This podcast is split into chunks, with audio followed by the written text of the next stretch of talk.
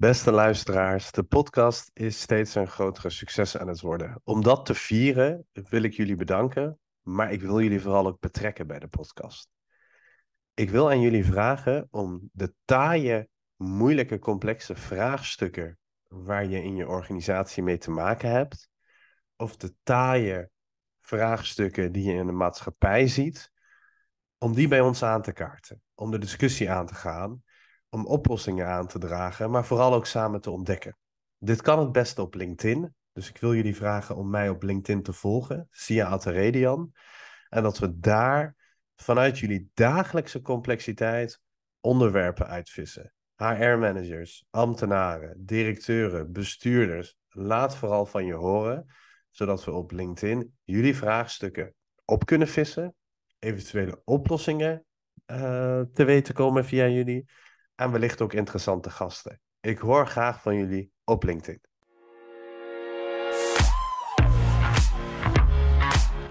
Zoals Oscar Wilde ooit zei: De waarheid is zelden zuiver en nooit eenvoudig. Toch komen we in het bedrijfsleven en in de samenleving veel heilige huisjes als ontastbare waarheden tegen. Waarom lukt het niet om uit de dogma's van die heilige huisjes te treden? Directieadviseur en organisatiefilosoof Sia Atteredian bespreekt in elke aflevering zo'n heilig huisje en zet het in een ander licht. Kan het toch anders? Hallo, daar zijn we weer uh, met een nieuwe episode uh, Heilige Huisjes. Ditmaal met uh, Petra Verdonk. ik probeer Petra eigenlijk al een tijd op de podcast te krijgen. Het begon met dat ik iemand zocht die verbonden was met Extinction Rebellion, of die rebel was bij Extinction Rebellion. Maar ik wilde ook niet zomaar iemand, ik wilde wel iemand die verbonden was aan de wetenschap. En Petra is universitair hoofddocent bij de VU, is uh, betrokken, ja, dat moet ze anders maar zelf vertellen, bij het UMC. Uh, ehm, ja, en eigenlijk ben ik heel blij dat ze er is. Welkom Petra. Ja, goedemorgen. Dank voor de uitnodiging. Ja. Heel erg Graag gedaan. Ja, ik vind het heel mooi dat ik in deze line-up met allemaal uh, interessante mensen uh, uh, mag deelnemen. Dus dat is leuk, dank je. heel erg graag gedaan. Ik had een keer iemand die, die de podcast omschreef en die zei beroemde Nederlanders. En toen dacht ik, huh? Ja, dus, er zijn een paar beroemd. Maar ik dacht, nee, dit zijn moedige, andersdenkende en doeners. Dus in dat opzicht pas je prima in het rijtje. Oh, nou, dat is een, mooie betiteling. Dat uh, vind ik wel een eer. Dank je. Wil je nog iets toevoegen aan de omschrijving die ik net gaf? Ik weet, hij was kort rommelig, maar wil je daar nog iets aan Nee hoor, als mensen meer willen weten, dan ben ik eenvoudig te vinden via verschillende social media en uh, natuurlijk via mijn profiel uh, in Amsterdam UMC. Dus ja, dan kunnen ze me daar vinden en mijn werk en de dingen die ik doe. En je bent ook volgens mij, ik heb het niet, hè? Dus ik heb geen Twitter, dus ik ga nu iets zeggen waar ik weinig van weet. Je bent best actief op Twitter, begrijp ik dat goed? Ja, ik ben actief op Twitter en ik ben actief op LinkedIn. En hoe kunnen mensen jou volgen? Uh, gewoon mijn naam uh, intikken, dan ben ik meteen te vinden. Petra ja, ik heb geen, Perdonk. Ik heb geen, uh, geen rare getallen in mijn, in mijn naam. Nee, gewoon Petra Verdonk en dan en dan vind je mij. En op LinkedIn doe ik dingen die gerelateerd zijn aan mijn werk en rondom diversiteit. Um, en uh, op, uh, op Twitter ben ik echt wel heel erg klimaatactivist.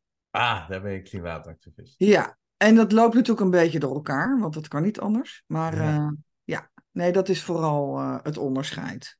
Ja. Nou ja, dat is een mooi bruggetje naar het loopt door elkaar, want het kan niet anders. Want jouw heilig huisje is, wetenschap is neutraal. Dat wil zeggen dat heilig huisje ga je nu omverduwen. Vertel. Ja, ja. Nou, ik werk al heel lang uh, in de geneeskunde. Sinds, uh, zeg maar, uh, 2002, 2001. werk ik als onderzoeker in de geneeskunde. Eerst bij huisartsgeneeskunde, later bij sociale geneeskunde, nu uh, sinds uh, zoveel jaar inmiddels bij ethiek. Um, en ik doe daar uh, gender en diversiteit in gezondheid en gezondheidszorg. Dat is mijn thema.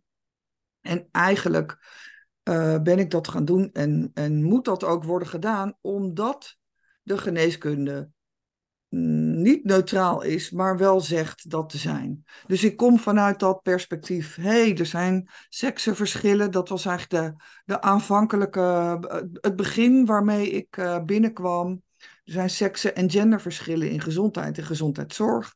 En daar wordt geen rekening mee gehouden. Dat was eigenlijk de simpelste, uh, de simpelste insteek waarmee mijn werk begon. Dus ik heb uh, seksen- en genderverschillen voor mijn proefschrift onder leiding van Twan Lagro, huisarts en hoogleraar vrouwenstudies geneeskunde. In het geneeskundeonderwijs geïmplementeerd. En dan moet je denken aan seksenverschillen in hart- en vaatziekten, bijvoorbeeld. Uh, er was zo'n populair programma, volgens mij was Lubach, die had daar nog een heel uitzending aan gewijd hoe een hartaanval bij een vrouw compleet verschillend is dan bij een man. Dus hoe we Ja. een vrouw eigenlijk aan de dood helpen door de standaard dingen te doen die we geleerd hebben. Dus het gemiddelde of het standaard, maar dat is voor een man. Dus dat Klopt. betekent dat vrouwen vaker sterven. Dat bedoel je? Ja, dat soort verschillen. Ja. En dat is eigenlijk al heel lang bekend. En toch landt het maar niet in de zorgpraktijk. Hm. Ehm, dus dat zijn verschillen hè, van aandoeningen die vaker, eh, of die bij mannen en vrouwen voorkomen, wordt, niet, wordt eigenlijk hetzelfde behandeld, wordt als een soort neutraal gezondheidsprobleem gedefinieerd. En de, de kennis die we hebben zou voor iedereen opgaan. Ehm, maar als je dan gaat terugkijken naar waar die kennis vandaan komt, dan is dat vaker mannen, witte mannen. Ja. Dus eigenlijk zeg je, eh, we pretenderen, dus ik maak even van wetenschap even gezondheidszorg, maar je mag Ja, ook weer. Ja. eh, we, we pretenderen een neutrale gezondheidszorg, medicijnen, eh, wetenschap van mensen beter maken te hebben. Ja, Maar die wetenschap is gebaseerd op de witte man. Dus als die een hartaanval krijgt, ik zeg nu maar wat hoor, dus corrigeer me op de inhoud. Mhm. Dan tintelt zijn rechterarm. Maar bij een vrouw is dat helemaal geen symptoom. Dus als we A op B gaan toepassen, dan creëer je weer eerder doden. Dus het is niet neutraal. Is dat wat je aan het zeggen bent? ja, ja. Het klopt niet helemaal, maar zo ongeveer eh, wel. En de vraag is gewoon altijd, waar maakt het nou verschil en waar maakt het nou geen verschil? En dan wordt het natuurlijk complexer van. Ehm, dat begrijp ik wel. Het wordt complexer in de spreekkamer. Wat moet die dokter dan? Want hoe ziet het er dan uit? Bij wie? En het probleem is natuurlijk ook dat je niet dan van één categorie waarvan we dachten, hè, die ziekte is neutraal, die geldt voor iedereen op dezelfde manier, nu twee categorieën kunnen maken. Dan doen we er vrouwen bij en dan, eh, en dan hebben we het weer scherp. Zo werkt dat dan ook weer niet, want er zijn natuurlijk ook vrouwen bij wie die arm wel tintelt. En er zijn ook mannen bij wie die arm niet tintelt. Ehm, dus het moet complexer. Uh, en ik zeg altijd maar, ja, ik, ik probeer de variabelen te bestuderen die door iedereen altijd als ruis worden gezien in onderzoek. De, de, de variabelen die, waarvoor wordt gecorrigeerd in heel veel gezondheidsonderzoek. Ja. En die vind ik eigenlijk interessant. Ja, Ja. kun je dat misschien even voor de luisteraar eh, verder toelichten?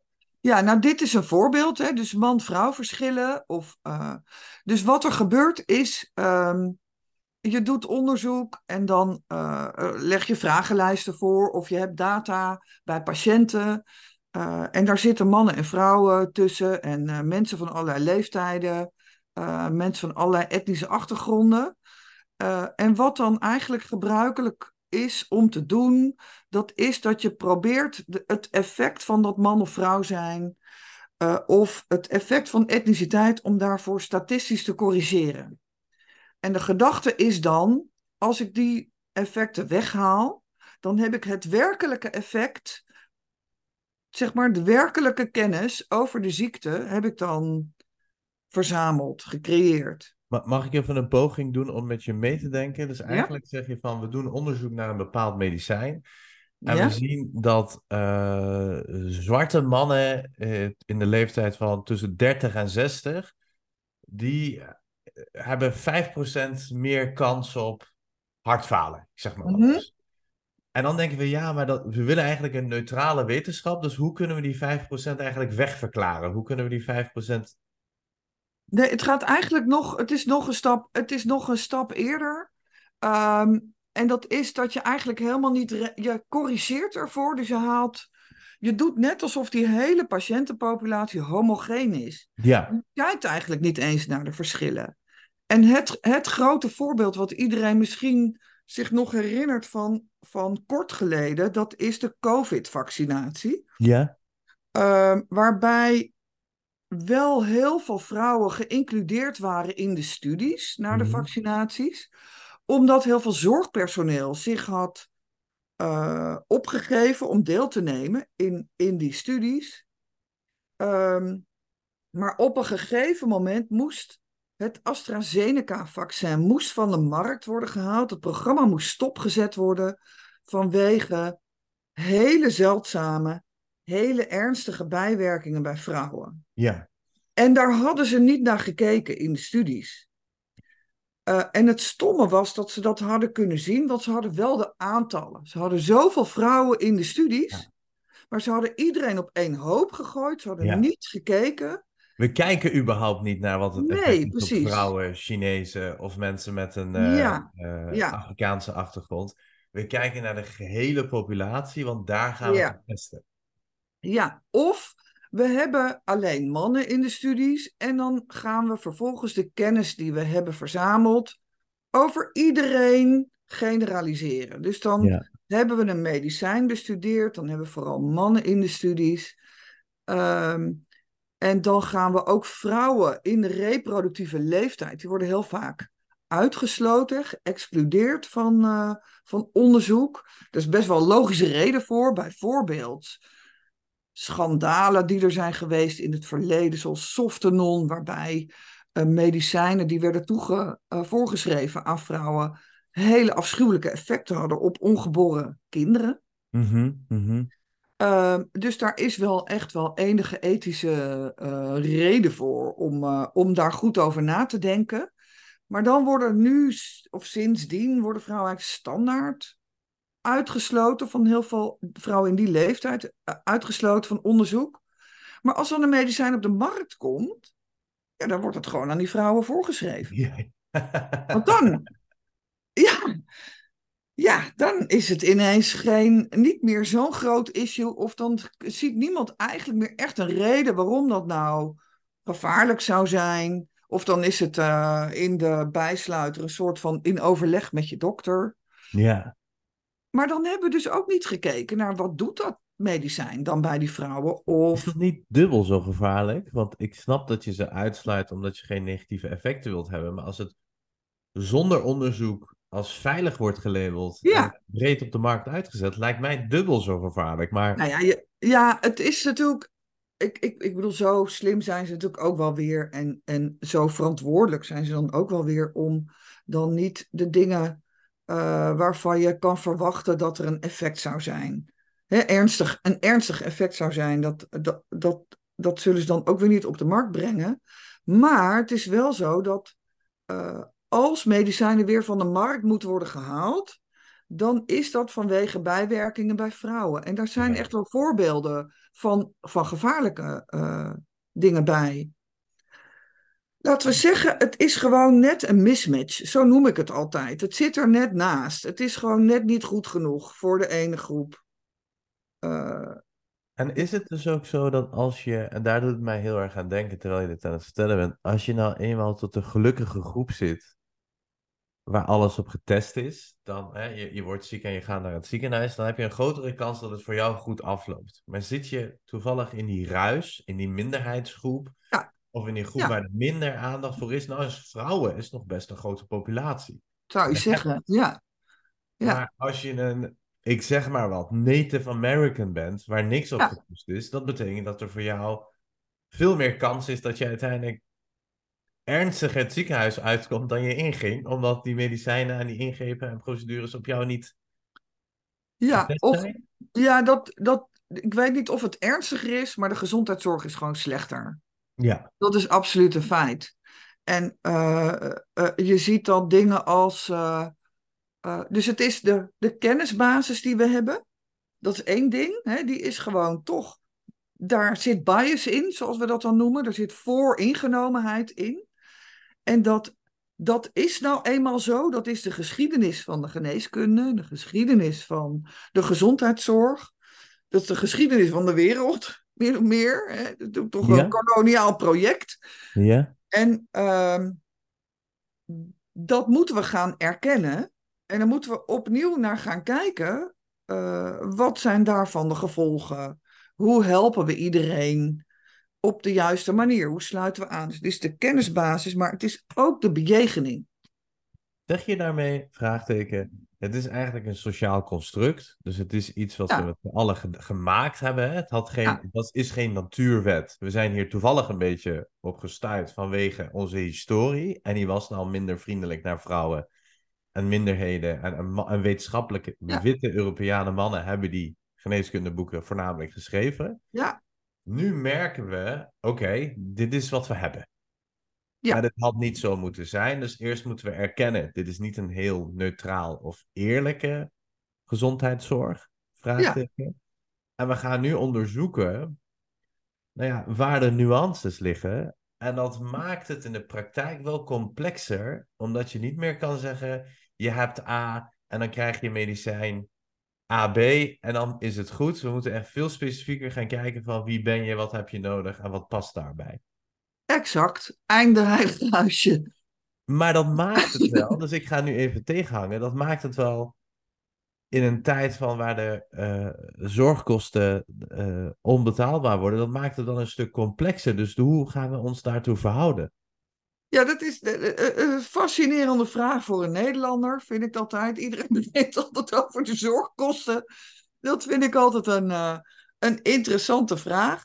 Ik denk, ja, volgens mij wordt het, eh, best wel, is het best wel duur door de manier waarop we het nu doen. Ja, Dus we hebben heel veel research waste op deze manier, omdat we eigenlijk allerlei dingen overnieuw moeten doen.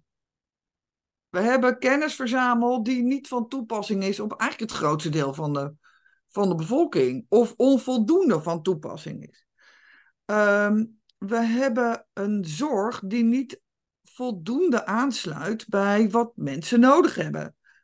Eh, en dat betekent dat ze misschien wel ofwel wegblijven eh, en geen zorg krijgen met alle gevolgen van dien, ofwel steeds terug blijven komen eh, en, en, en het hele boekje moeten krijgen, door het hele systeem moeten worden getrokken om te achterhalen wat er aan de hand is. ik ga, deze, ik ga even deze wat concreter maken aan het plat Ja. slaan. Doel je daarbij bijvoorbeeld op bepaalde eh, migrantengroepen die dan uiteindelijk keer na keer zorg nodig hebben, of waarbij de zorg niet aanslaat, of waarbij die wegblijven van de zorg, of niet goed voor zichzelf zorgen? Is dat, zijn dat een beetje de doelgroepen waar je op doelt?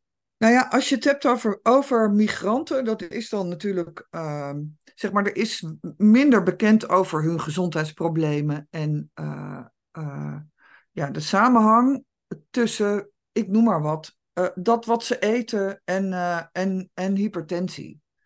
Verzin maar wat. Ja. Ehm, dus die kennis is er niet. Als je kijkt naar bijvoorbeeld mensen die, eh, bij wie het Nederlandse taalniveau niet zo is dat ze zich goed kunnen uitdrukken bij de, bij, de, bij de huisarts in de spreekkamer, dan zie je dat het afschaffen van de tolkenvergoeding, ja, dat is dan een ding. Want die huisarts, die, ja, die kan dan eigenlijk niet zo heel veel als mensen de taal niet spreken. Die moet het hebben van het verhaal van, eh, van de patiënt. Eh, we zagen in, een, eh, in, een, eh, in de cijfers zagen we terug, dat hebben we beschreven ergens in 2014, kort na de afschaffing van de tolkenvergoeding in de zorg, zie je terug dat de huisartsen op vanaf dat moment eigenlijk nul keer een tolk gingen inschakelen. Want ja, dat moest mo- werd niet vergoed, gingen ze niet meer doen, want dan moeten zij het betalen.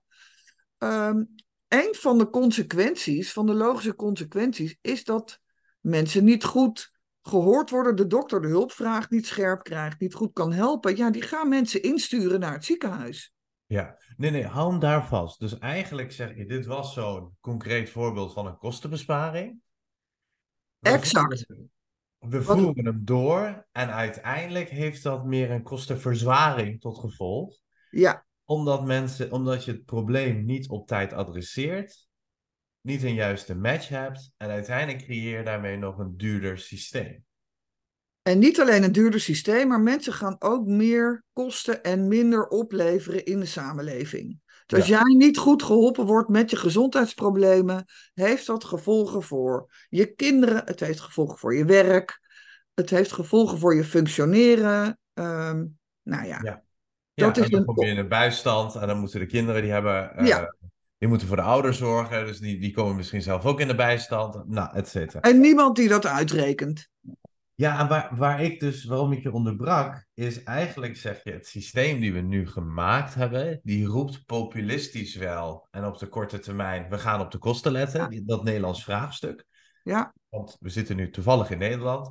Eh, die, die gaan daar naar kijken en die zeggen, nou, dan snijden we voor de tolkenvergoeding. Hè? En dat doet het goed. Dat is een populistische... ja want ze moeten allemaal Nederlands leren. Dat is gewoon Ja. een politiek, een politiek project. En, dat, en die keuze dat ze zelf allemaal Nederlands moeten leren, dat, dat mag. Maar waar het mij voornamelijk om gaat, is dat ze daarmee niet het doel bereiken die Ja. ze eigenlijk voor ogen hebben of die ze beloven.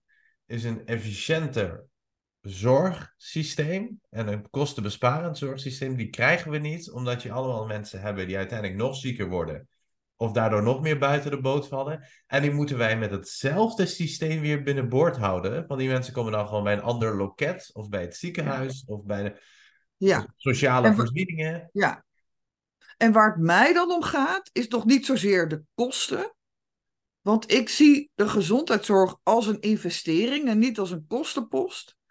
En natuurlijk wil je met zo min mogelijk investering zo mil- zoveel mogelijk effect sorteren. Maar ik zie dit als slechte gezondheidszorg. Ja, dat is het denk ik ook. En de koppeling die we maken is zelfs als je die empathie niet hebt voor die mensen, weet dan, het maakt het systeem waar jij zelf onderdeel van maakt ongezonder. Exact. Ja, En eigenlijk pleit jij dus, als ik goed naar je geluisterd heb, is een systeemverandering. Die, de, daar, lijkt het meer te, voor te pleiten. Ja. Ja. Kun je daar iets over vertellen? Ehm, nou, wat er, wat er moet gebeuren, dat is dat we in de gezondheidszorg systematisch rekening houden met dat mensen verschillen. Of zouden kunnen verschillen. En dat betekent een pas op de plaats met de kennis die we hebben, als in, oké, het kan zijn dat dat niet bij iedereen even goed werkt, van toepassing is. Het kan zijn dat we niet iedereen even goed begrijpen kan zijn dat we niet iedereen even goed helpen. Als we dat wel willen, want dat beloven we officieel en dat moet ook van de wet. Mensen hebben recht op gelijke toegang tot gezondheidszorg en dat betekent feitelijk natuurlijk ook dat wij beloven dat we de kennis die we vergaren, dat die ook geldig is voor iedereen.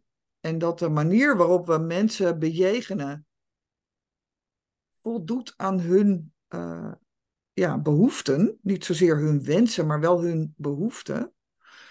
Ehm, en dan moet er dus, daar, die, die, dat besef moet gaan doordringen.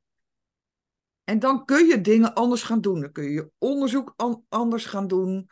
Dan kun je eh, mensen mee gaan nemen in, eh, in hoe gezondheidszorg moet worden ingericht. Zeg je eigenlijk het begint met bewustzijnsontwikkeling? Ja, daar begint het wel echt mee. Want anders krijg je geen, eh, krijg je geen omslag. Misschien kan ik daar een goed voorbeeld van geven. Ik weet niet of dat. een van de. want dit geldt ook voor het onderwijs. hè. Wij moeten in het onderwijs eh, aan geneeskundestudenten en studenten gezondheidswetenschappen moeten we ook een, een omslag eh, maken. Dus je probeert natuurlijk, ik en heel veel mensen met mij, je probeert dan een slag te slaan naar hoe gaan we geneeskundestudenten leren dat diversiteit van belang is. Dat daar waar verschil relevant is, ook verschil gemaakt moet worden. En daar waar het niet relevant is, het juist niet gemaakt moet worden. Dus daar waar je mensen hetzelfde moet behandelen, moet je dat ook doen. En dat gebeurt eigenlijk ook niet. Hè? Dat is de andere kant van dit, eh, van dit verhaal. Ehm, op een gegeven moment kreeg ik een e-mail van de collega's van klinische farmacotherapie bij ons in de faculteit. En die hadden weer een e-mail ontvangen van een student. En die student die zei: Luister eens, ik heb onderwijs van jullie, maar nou zie ik op jullie slides, zie ik, uh, als het gaat over mensen van kleur, zie ik het N-woord steeds langskomen. Hoe kan dat nou? Uh, dat jullie dat woord gebruiken en uh, dat zou om deze en deze reden niet moeten.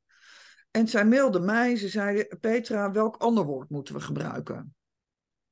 En ik mailde terug en ik zei, ja, zo eenvoudig is het nou ook weer niet. Het is niet zo dat we dan het ene woord voor het andere kunnen vervangen. Hè? Het is niet zo dat je dan allochtoon uh, moet gaan roepen of dat je van kleur moet gaan roepen en dat je het dan hebt opgelost. Uh, dus ik heb wat materiaal toegestuurd en een, een, een, een TED-talk. En dat was echt zo'n vrijdagmiddag. Ik denk dat ze net even een luw uurtje hadden. En ze zijn meteen gaan lezen en zich erin gaan verdiepen. En ze kwamen diezelfde middag nog terug. En ze zeiden, nou, dat is echt wel interessant. Zullen we daar eens een keer over door? Toen hebben ja. we elkaar een workshop ontwikkeld. Uh, en zijn we het gesprek aangegaan met de collega's. En heel veel jonge dokters van hun afdeling die hier wel over wilden meepraten. Als, ja? ik, hem, als ik hem even tussendoor mag hangen, eigenlijk zeg je, er was bij het, ik kies dan maar even voor een vervangend woord, er was bij het Afrikaanse of het zwarte ras, was er iets medisch wat verschilde van andere rassen. En daar moeten we het juist wel benoemen, want we merken dat die verschil er is. Hè? Ik weet of dat... niet of niet. En als die verschil er is, moeten we hem benoemen. Als die er niet is, moeten we niet benoemen. Ja, dus daar Juist. was het verschil wel. Dus ja. daar wilde hij het benoemen. En dat doet me bijvoorbeeld, het doet me denken aan twee dingen. Eén, denk, iets wat ik in mijn eigen vakgebied herken, door wat jij gedaan hebt, en hou je verhaal vast, is laten we het vooral even complexer maken. Want het is niet zo eenvoudig. En ja. door de perverse neiging tot beheersbaarheid en controleerbaarheid. Hè, en niet aangeklaagd worden, bijvoorbeeld, hè, om het maar simpel te zeggen. Ja. Zijn we constant op zoek naar die McDonald's-oplossing? Zijn we constant op zoek naar die fastfood snelle oplossing? Dus de ene kant is laten we het complexer maken. De andere kant doet me denken aan het is er wel, het is er niet. Uh, dat is volgens mij een verhaal van Sinan Chankaya. Die zegt van, ik zit bij de politie en dan is het tijdens de Ramadan, ik ben moslim. Jongens, ik ben moslim, erken dat ik moslim ben en laten we zeg maar hè, een iftar samen doen. Maar als dat op straat wordt gezegd, zeg ik, hallo, ik ben gewoon een van de blauwe jongens. Hoezo noemen jullie mij moslim? Dus dat constant, het is er wel, het is er niet. Dus het ja. is er wel, als het er echt is, moeten we het ook erkennen. Als het er niet is, moeten we niet gaan assimileren daarmee en, en, en iemand reduceren daartoe.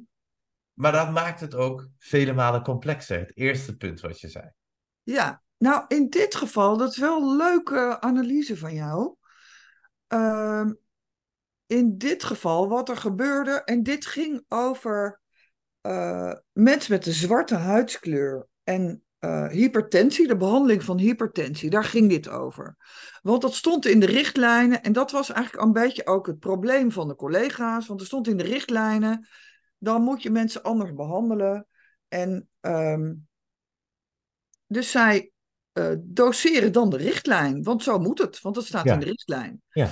Uh, en dat woord stond in de richtlijnen en deze behandeling stond in de richtlijnen. En dat is dan het juiste om te doen in de spreekkamer.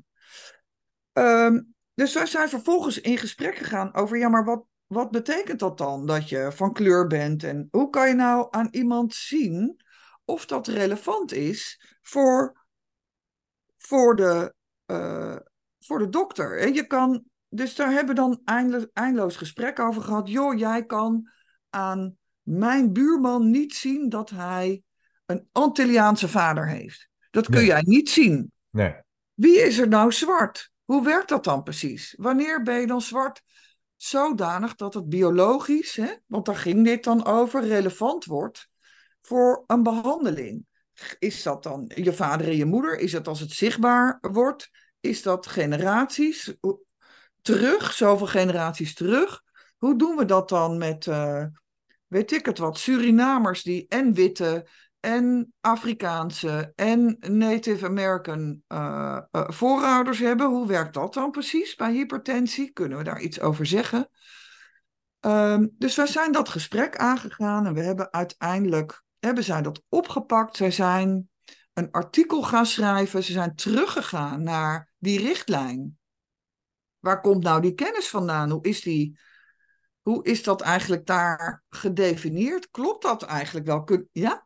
Nou, dat doet me weer, en een kleine intermezzo doet me weer en niet te denken wat voor ons heel belangrijk is. Die richtlijn, uh, ja. die aanpakken, dat beleid of onze huidige kennis, dat is ergens ook een toevallige samenloop van historie. Dat is de sociaal-historische context. Ja, zeker. En die nemen we vaak als een gegeven, als een natuurwet, als, ja. een, als een God gegeven natuurverschijnsel. Maar ik, als we daarin doorbladeren, zien we, oh, dit is ook een beetje toevallig tot stand gekomen. Een beetje oh, gek, ja. Het is ook ja. een beetje een duister verleden, hoe die goed heilig man met zwarte slaven, zeg maar. Hè? Dus, dus als we daarnaar kijken, ja. dan verliezen we een deel van onze identiteit. Want zo ging het altijd en zo werkt het hier. Maar je ziet eigenlijk in deze richtlijn, dat, daarom is het voor mij interessant als, als onderzoeker en ook als docent, omdat juist in deze, zo'n richtlijn dan geprobeerd wordt om verschil te maken, om goede zorg te bieden ja. aan mensen van kleur. Hé, hey, we moeten rekening houden met African American groepen, die hebben vaker hypertensie. Hoe moeten we ze goed behandelen? Vervolgens wordt het helemaal platgeslagen. In zo'n richtlijn wordt het bijna ja, een biologische categorie die niet meer klopt.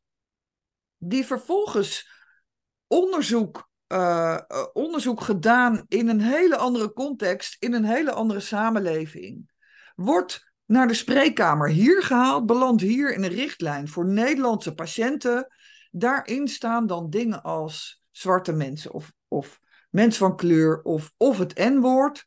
Ja, wie dat dan precies zijn, dat weet dan geen dokter. Die gaat dan ook maar af op uiterlijk of uh, enzovoort. Niemand die dan natuurlijk in de spreekkamer zegt: Goh, heb jij Afrikaanse voorouders? Of uh, waar komen je voorouders vandaan? En ook een hele zware nadruk op uiterlijk. Dat gebeurt, met zo'n voorbeeld gebeurt dat inderdaad. Ja, maar bijna met ja. alle voorbeelden. Ik ken twee, en ik zeg bewust Joegoslavisch, want ik dacht, ga ik niet in kiezen wat ze nou precies zijn. Ik ken twee Joegoslavische broer. Eén is donker, de andere is blond. Ja. Qua biologisch, ouders, opvoeding is het allemaal hetzelfde. De een komt de discotheek niet binnen en de ander wel. Nou, wat ja. ik probeer te zeggen is dat we ook zo visueel zijn ingesteld dat het mens eigen is om naar die uiterlijk te kijken. Dus de vraag al van heb je Afrikaanse voorouders, zou ik al een interessantere vinden als we die verdieping zouden opzoeken. Hè, natuurlijk weet bijna niemand dat, maar als je het weet kun je het dan tenminste zeggen. Het, er komt ook zoveel nadruk op die uiterlijk. En die uiterlijk is maar ook... dat is ook geen natuurwet. Nee, als jij, als jij zegt van, uh, ja, we zijn visueel ingesteld, want dat, dat zo zijn mensen, ja, dat is ook maar de vraag. Of we zo niet getraind zijn. Hè? Of we niet door, door de visuele wereld waarin wij nu leven, of we dat niet ook enorm aangeleerd hebben gekregen. Ik weet het niet. Ik doe daar nog een stapje bovenop. Dus zelfs als ik zou zeggen, zo zijn we als mens. Uh, en dat zou ik best kunnen zeggen. Ik weet niet over dit Ach, thema, wel, ja. wel over andere thema's. Maar dan denk ik, ja, maar we zijn ook geen dieren meer. Dus laten we ook kijken hoe we dat kunnen ontstijgen. Dus ik weet dat er ergens iets, een onderzoek is dat we op het gebied van pheromonen, dus hoe we ruiken, vinden het fijn om bij mensen te gaan staan die dezelfde pheromonen hebben, op een, een of andere manier op ons lijken. Nou, ik had zo'n jongen die zei van ja, als dit mijn natuurlijke neiging is, ja, dan is het toch goed? Toen zei ik, ja, dat is je natuurlijke dierlijke neiging, maar je bent dat ook een beetje ontstegen. Het is nu niet zo als er iemand van een andere stam komt, je nu uitmoordt. We zitten niet meer in het tribalism van vroeger, waar het, waar het of ik of hij is. He, we kunnen hier samen, er is geen tijger die ons nu gaat opeten. Dus die monkey brein, die moeten we ook een beetje ontstijgen. Dus zelfs als, het is mijn natuurlijke houding als mens om constant gedachten te hebben. Nou, dat is ook niet iets wat ik omarm. We zeggen mediteer. Kies voor mindfulness. Ontstijg je dierlijke brein. Dus zelfs als het een natuurlijke neiging is, is het aan de mens om dat vanuit een moreel kompas ook te kunnen ontstijgen. Anders is het constant een oorlog van alle tegen alle. Als je iets niet herkent, is het vreemd. Dan is het ik ten koste van hij of tijd ten koste van mij. Ik vind juist dat het bij onze ontwikkeling hoort om dat natuurlijke ook te kunnen ontstijgen. Ja, ik weet niet of ik helemaal met je deel dat we dat eh, het, zeg maar, het onderscheid tussen dieren en mensen. Uh, dat weet ik niet of dat nou helemaal uh, wetenschappelijk klopt en wat ik daarvan vind. Ik denk dat, dat dieren ook moraliteit kennen. Daar, daar, die, die hebben ook, uh, zeg maar, apen vinden ook sommige dingen heel oneerlijk. Nee, eens. Ik ken het. Ja, ja, ja. He, dus het is niet zomaar uh, uh, alleen aan de mens gegeven. mag ik hem nog platter maken? Ja, mag. Als ik een knappe vrouw zie, dan draait mijn hoofd. Kan ik bijna niet stoppen. Hè, dan kan ik nu wel heel doen alsof ik de grote filosoof... Ik kan dat bijna niet stoppen. Nee. En dat, dat vind ik bijna een, een, een apenlijke reactie in mij. Maar ik vind dat ik dat als mens weet ik wel, ja, ik kan even kijken, maar als mens kan ik daar veel ontwikkelder en volwassener mee omgaan. Ja, maar dat is wel interessant, want jij bent als man in deze wereld, ben jij ook vanaf je, je vroege jeugd, ben jij getraind in beelden van mooie vrouwen. Dat is ook ongeveer het enige wat je te zien krijgt in media en in, eh, op allerlei plekken. Uh, dus je hebt ook uh, ja, je hebt gewoon van jongs af aan een enorme training gehad in daarnaar te kijken. En dat was een appeal aan mannen van jongs af aan. Wat je mooi moet vinden, wat het, het schoonheidsideaal is. Uh, wat je interessant en aantrekkelijk moet vinden. Dus om dat nou dierlijk te maken, weet ik niet. Maar ja, dat dat belandt in jouw gedrag en misschien zelfs ook wel in jouw biologie, in jouw lijf en de fysieke reacties die je daarop hebt. Daar kijk ik niet van op. Ik, ik, ik, ik ben zelf heel erg geïnteresseerd juist in die interactie tussen de biologie en, en de sociale wereld. Hoe landt dat nou in onze ja. Ja. gezondheid? Maar eigenlijk, dit soort ja, dingen. Ik, ik hoor dat we die nature-nurture en, en, en de wisselwerking daarin Misschien ja. kunnen we daar uitblijven, want anders wordt hij te kort. Heel groot? ja, ja. ik vind hem heel leuk hoor. Ik vind het ook heel leuk om te benoemen dat in de Griekse polis was een trophy wife. Hè, was niet een blonde vrouw met grote borsten, maar dat was een jongen van een jaar of 16, 15. Oh ja, ja. Alle ja. grote senatoren, het grote sekssymbool of, of hè, de, de, ja, de trophy wife die had, was een man in de bloei van zijn leven. En dan hadden ja. al die invloedrijke mannen hadden er zo één. Dus dan kun je ook zeggen, ja, nu is mijn brein daar niet op getraind, maar is getraind op de mooie vrouw. Ja. Uh, dus daar kunnen we het Zou over kunnen. hebben. Ja. En, en dat die natuurlijk, maar, maar ik wil hem wel terugbrengen naar die, die wetenschap of die gezondheidszorg, die is niet neutraal. En eigenlijk zeg jij, die is anti-neutraal. Want uh, Ja. als ik het anders zou formuleren, zeg ja, die is gemaakt voor de witte uh, uh, man of voor de blanke man. En, en dat doet enorm veel geweld voor die andere groepen. Ja, we want we hebben allerlei kennis niet. Ja, Dus het, het, het- die manier van denken, die, die bepaalt mee welke dingen we een gezondheidsprobleem vinden en niet een gezondheidsprobleem. Wat we gaan bestuderen, waar we geld aan uitgeven. Ehm, dus dat is bijvoorbeeld geweld tegen vrouwen is een gigantisch gezondheidsprobleem. Het heeft enorm veel effecten op allerlei, sowieso directe gezondheidseffecten, maar ook indirecte effecten. Dus elke, elke auto-immuunziekte die jij hebt, die verergert als je geweld moet ondergaan. Vervolgens jouw kinderen, eh, nou, allerlei dingen. Ehm, maar wat bedoel je nu met geweld? Ik snap je hoor, maar even voor de... geweld tegen vrouwen. Wat bedoel je? Bijvoorbeeld wat? Partnergeweld, seksueel Ja. geweld of partnergeweld of you name it. Eer, gendergerelateerd geweld. Dus geweld Ja. tegen vrouwen omdat ze een vrouw zijn. Of Ja. waarin het feit dat ze een vrouw zijn een, een rol speelt. En dat wordt vaker gepleegd door mannen. Niet altijd, maar wel meestal. Ehm, en dat hangt Wat samen. jij, wat jij net hier deed, hè? Dat vind ik een hele interessante. Ik ben het volledig met je eens. We zeggen, Sartre zegt de hel zijn de anderen. Waarom zegt hij dat? Is omdat de anderen altijd de behoefte hebben om je te reduceren tot een behapbaar iets. Dus eh, hè, dat doen we met medicijnen ook. Dit is nou het middel dat helpt. Laten we het niet te complex maken. Het is behapbaar. Ik weet ergens ook niet, hè, dan gaat het weer over dat mens zijn, hoe je, hoe je daaraan kan ontsnappen. Dus je kan het complexer maken, je kan het Ja. eh, constant uitleggen. Maar ergens hebben wij nu ook, en ik snap het volledig, in taal nodig. Mannen plegen vaker eh, Ja. geweldsmisdrijven tegen vrouwen. Dat is ook een veralgemenisatie, maar dat is de een ook die we nodig hebben om verder te komen in het gesprek. Dus ik Ja. denk dan weer terug aan die arts in die spreekkamer. Die, die, die valt om van de neoliberale regels. Die heeft geen tijd. De verzekering hijgt ze. De verzekering heeft zelfs gebeld van jullie schrijven te veel antibiotica voor. Ik kom langs om te kijken wat hier gaande is. Ja. Die heeft maar een kwartier. En die denkt van, Tien minuten? Ja. ja, dit werkt voor eh, mensen die zwart zijn. Oké, doei. En dan moet ik ook nog eens een keer deze dingen doen. Ja, Ja, dus die arts zit compleet vast in een systeem. Ja, en nee, dat klopt. Kijk, de geneeskunde is groot geworden door, door het, het identificeren van patronen. Dat is ook fantastisch. Daar hebben wij natuurlijk heel veel baat bij. Veel baat bij gehad. Oh, wacht. Dus als je deze en deze kenmerken bij elkaar voegt, dan is dat, en dat komt dan veel vaker voor, dat blijkt dan die ziekte te zijn. En dat komt dan door dat beestje. En dan heb je eh, een, een soort van logische lijn en daar hebben we ja, allemaal profijt van, dat dat zo is gedaan.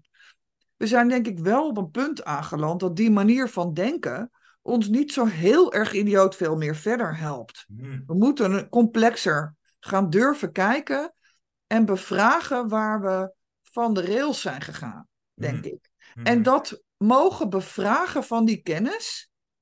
En dat, dat, dat ligt gewoon altijd gevoelig, en dat snap ik wel. Dat vind ik ook strontvervelend als mensen kritisch zijn op dat wat ik doe. En dan heb ik, denk ik, heb ik zo goed nagedacht. En dan doe ik mijn stinkende best en dan komt er iemand van de zijkant. Maar ehm, ja, de vragen moeten wel gesteld kunnen worden. Wij zijn wetenschappers. En dat betekent dat we die opdracht hebben van de samenleving. En dat neem ik, heb ik meegenomen echt van Rosie Braidotti. Die was hoogleraar vrouwenstudies in Utrecht. En daar volgde ik mijn eerste PhD-cursus. En, en ik moet heel vaak aan die uitspraak terugdenken. Die zei dan: Well, at least we can question some assumptions. Hm. En ik dacht, oké, dat is daar kan ik mee werken. Daar kan ik gewoon door mijn loopbaan heen. Oké, als ik dan niet de hele wereld veranderd krijg, kan ik in ieder geval een paar vragen stellen. Waarom niet? Maar je denkt niet dat je gek bent. Nee, dat denk ik niet. Nee, nee er moet, er moet wel wat gebeuren voordat ik denk dat ik gek ben eigenlijk. Nou, wa- waarom ik Nee. dat zeg, is ik, ik werk dus in de boardrooms en af en toe kom ik een directeur tegen die echt het goede doet. Ja, ja.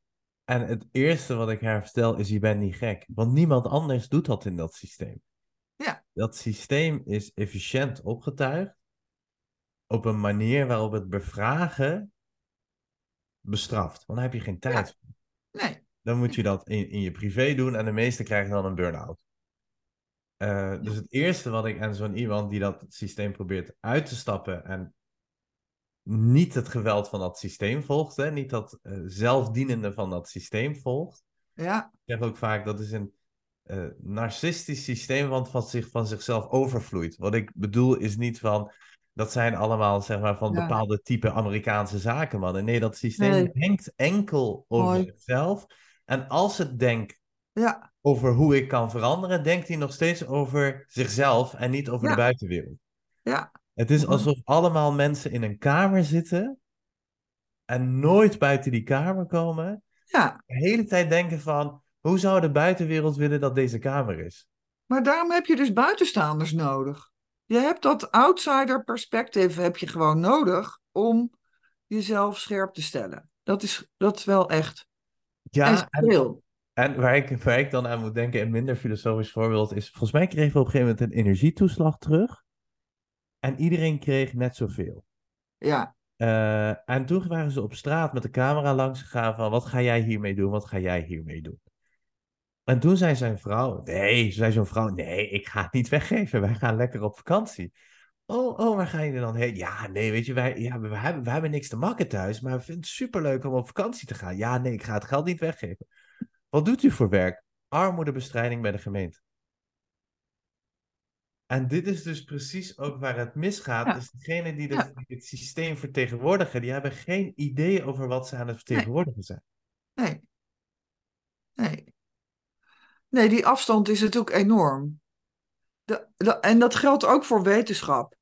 Wetenschap en de, de afstand van de wetenschap tot de samenleving is echt enorm.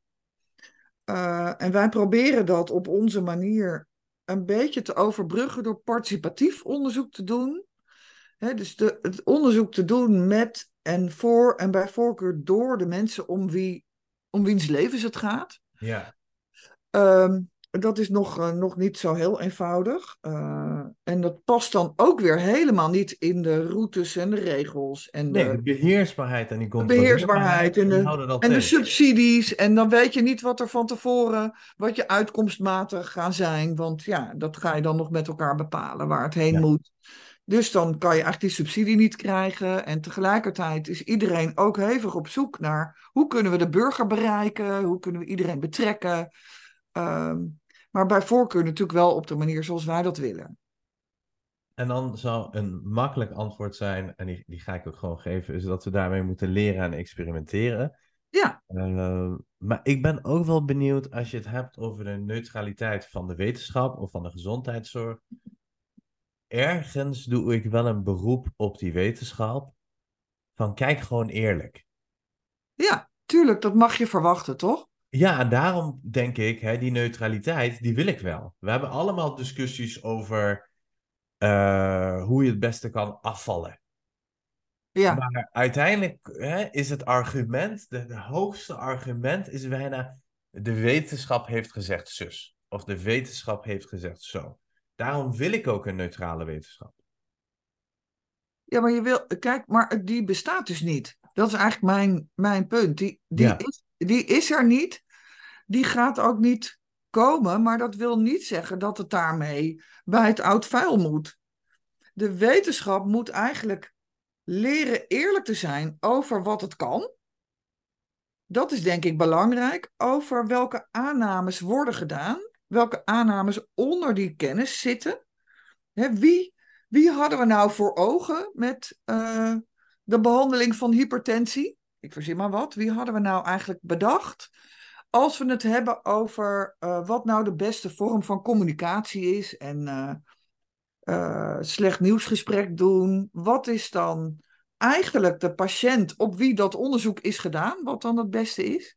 Dat is ook zo, altijd zo'n voorbeeld, hè, dat, dat de, de beste vorm van communiceren van slecht nieuws is meteen vertellen.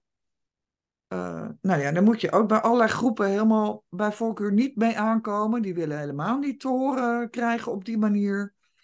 Eh, dus dat is voor hun niet automatisch goede zorg. Maar ja, in de wet staat dat mensen wel goed geïnformeerd moeten worden. Dus hoe doe je dat dan op een goede manier? Iedere keer een ethische afweging. En die ethische afweging, die moet gemaakt worden. En eh, we kunnen ons niet verschuilen altijd maar achter de zogeheten feiten. Want die feiten hebben een positie. Die hebben een sociale positionering. Die zijn verzameld op sommige mensen, door sommige mensen. En dat moet erkend worden. Die erkenning moet er zijn. En jij moet deze even corrigeren, want ik ga hem, ik ga hem niet goed doen. Maar daar bedoel je bijvoorbeeld ook op dat eh, als we kijken naar psychologisch onderzoek, dat 90% daarvan op 10% van de populatie is gedaan. Wat ik daarmee bedoel is dat het meeste onderzoek uit de psychologie op westerse studenten wordt gedaan. Meisjes, ja. Ja, en dat dat niet vertegen, dat dat niet zeg maar een of andere eh, eh, eh, ik zeg maar wat, Duitse huismoeder vertegenwoordigt. Van hoe zij dan met depressie omgaat. Dus, en je zegt, we Ja. moeten eerlijk zijn over die aannames die we doen en die beperkingen van de wetenschap. Dit onderzoek is voornamelijk gedaan op meisjes die studeerden in westerse landen. Dus als een Afrikaanse moeder of een Duitse bejaarde of Tsjechoslowakijse tiener, die, eh, Tsjechoslowakije bestaat niet, maar Tsjechische tiener daar Ja. last van heeft, eh, dan, t- dan moeten we ook goed gaan twijfelen of dit wel werkt. nou, je, je, je, ja. je, je moet vragen stellen bij. En je, en, en je moet eerlijk zijn over. Het is, de kennis die we hebben opgedaan, hebben gecreëerd, is geldig voor deze groepen. En we kunnen niet zomaar aannemen dat, dat- we dat over de hele wereld uit kunnen rollen. Dat is net zo koloniaal als dat we andere dingen koloniaal hebben aangepakt. Maar daarmee verliest de wetenschap wel zijn religieuze status. Want Dat dan wordt ook. het een verhaal van mits en maren. Nee, dat wordt nog steeds een verhaal. Zeg maar, dan, dan, dan, dan ben je denk ik ook minder gevoelig voor misinformatie. Want nu creëer je wantrouwen. Hm. Je, je hebt de, de, de achterkant van dit verhaal is dat je eigenlijk wantrouwen creëert omdat mensen op het moment dat ze ontdekken, hé, hey, die vaccinatie tegen COVID, hé, hey, die moet je eens kijken wat dat ding doet. Nou, zomaar ernstige, cons- dat die heel zeldzaam zijn. En, eh, maar wel heel ernstig. En dat, daar, dat, dat het dan nog steeds een goed idee is om En dat hebben ze ons ook niet verteld. Ze hebben ons niet Ze verteld. hebben het achtergehouden. Ja. Dat is wat je, wat je eh, creëert in mensen. Wantrouwen. Op het moment dat die informatie dan naar buiten komt. En ze wilden, kijk, ik, ik ben het helemaal met je eens. Maar je wilt ook een bepaald eensgezindheid. Je wilt uiteindelijk ook iets kunnen roepen. Van dit vaccin is gezond, ga het nemen. En daarmee doe je altijd een beroep op die wetenschap. Waarvan je ervan uitgaat dat die neutraal is. Dat verlies je dan wel. Ehm, En nou ik ga, hem ja. nog even, ik ga hem nog moeilijker voor je maken. Ja, Want ik wil dat laatste bruggetje ook maken. jij, jij staat op de A12. Ja, Je bent rebel bij Extinction Rebellion. ja, Die heeft ook een wetenschappelijke tak. Extinction Rebellion. Dus ja baseert, rebellion. zich, baseert zich op wetenschap. Ja, Ja, zeker. Ja, en daarbij denk ik, als ik aan de wetenschap denk, is het voor mij hartstikke belangrijk dat dat de mensen zijn die hun leven gewijd hebben aan de bestudering van het planeet, eh, Ja. klimaat, de data. Ik ga ervan uit dat die geen politieke agenda aan het nastreven zijn, maar dat dat de neutrale wetenschappers zijn. En voor mij is het zo waardevol dat die neutrale wetenschappers zeggen van jongens, dit kan niet meer. Niemand luistert naar ons. Wij gaan de A12 op. Als jij die neutraliteit weghaalt voor mij, dan wordt het opeens weer een politieke en kleurenkwestie. ja maar Politieke kleur bedoel ik dan, hè? de- ja, dat snap ik. Nee, de, kijk, de, de wetenschap is nu dus een politiek project.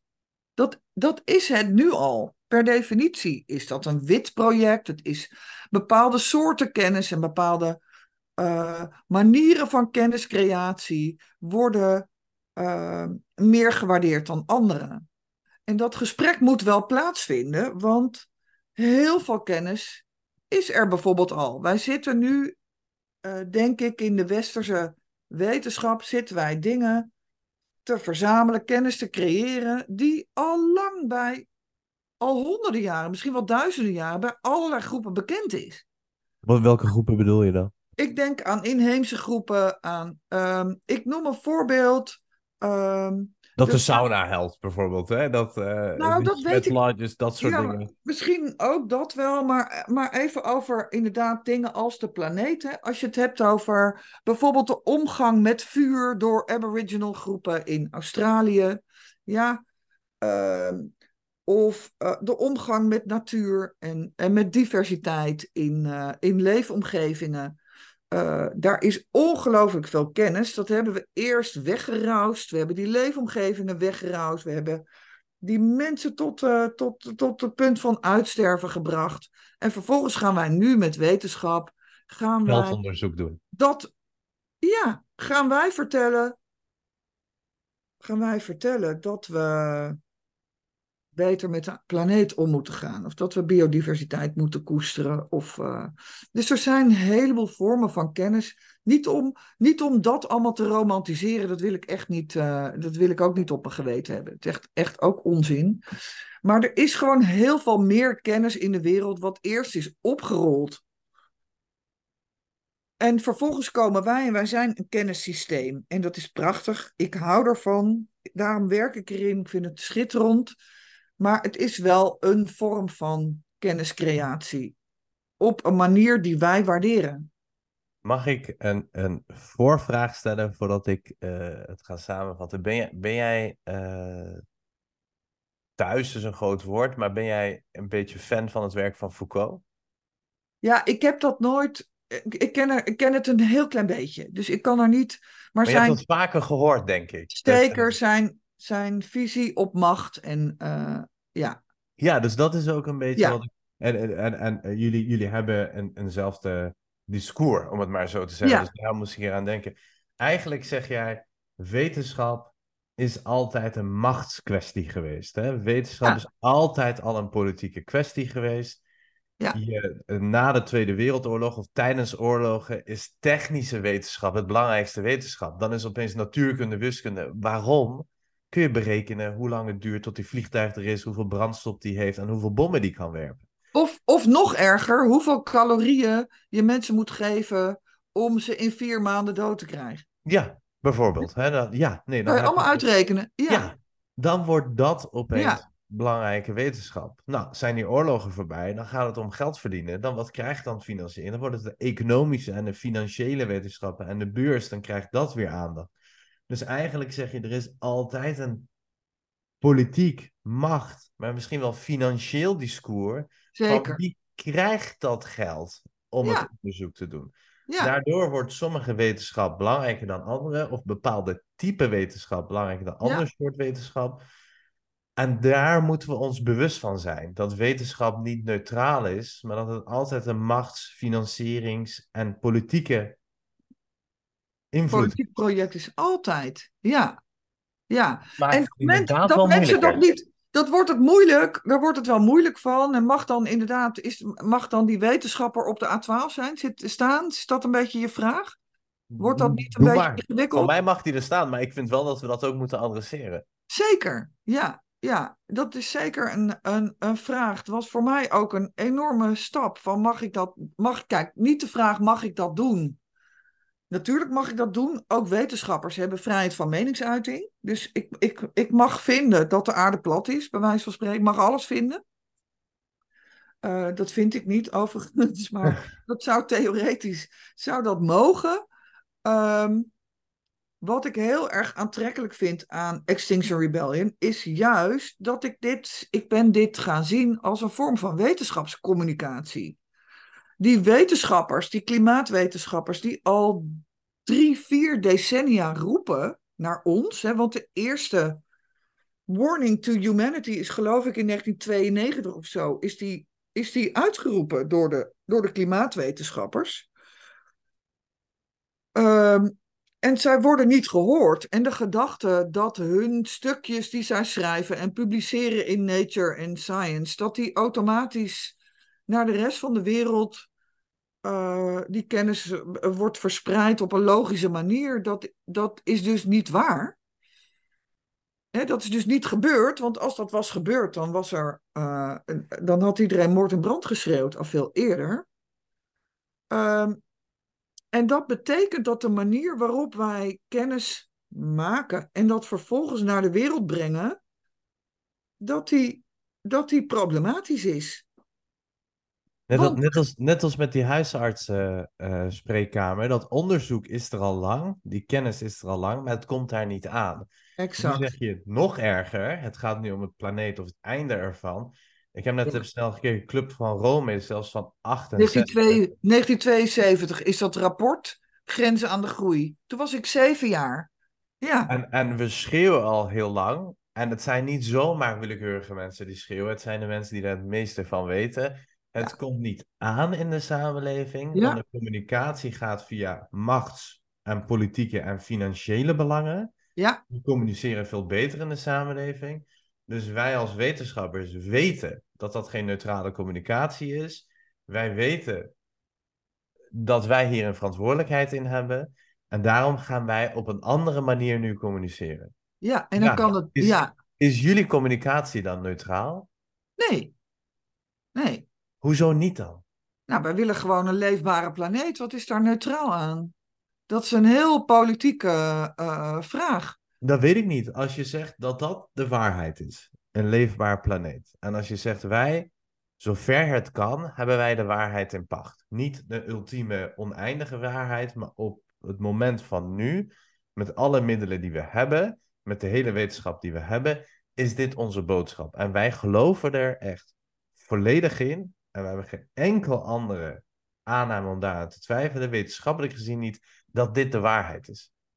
Ja, dat, dat de planeet onleefbaar wordt, dat is voor mij een waarheid. Ja. Dat, kan, dat, kan, dat is geen discussie en ik ga ook niet met mensen in discussie die daar iets anders over zeggen. Nee, en, en jij bent nog, hè, als ik zo zou mogen zeggen, psycholoog of onderzoeker in de uh, medische wetenschap met gedragselementen en met cultuur en gender en seksualiteitscomponenten. maar je hebt ook collega's die per sang onderzoek doen naar het klimaat. Zij zeggen, wij hebben de meest recente informatie. Exact. En het is doodeng. En we roepen al 30 jaar, het is doodeng.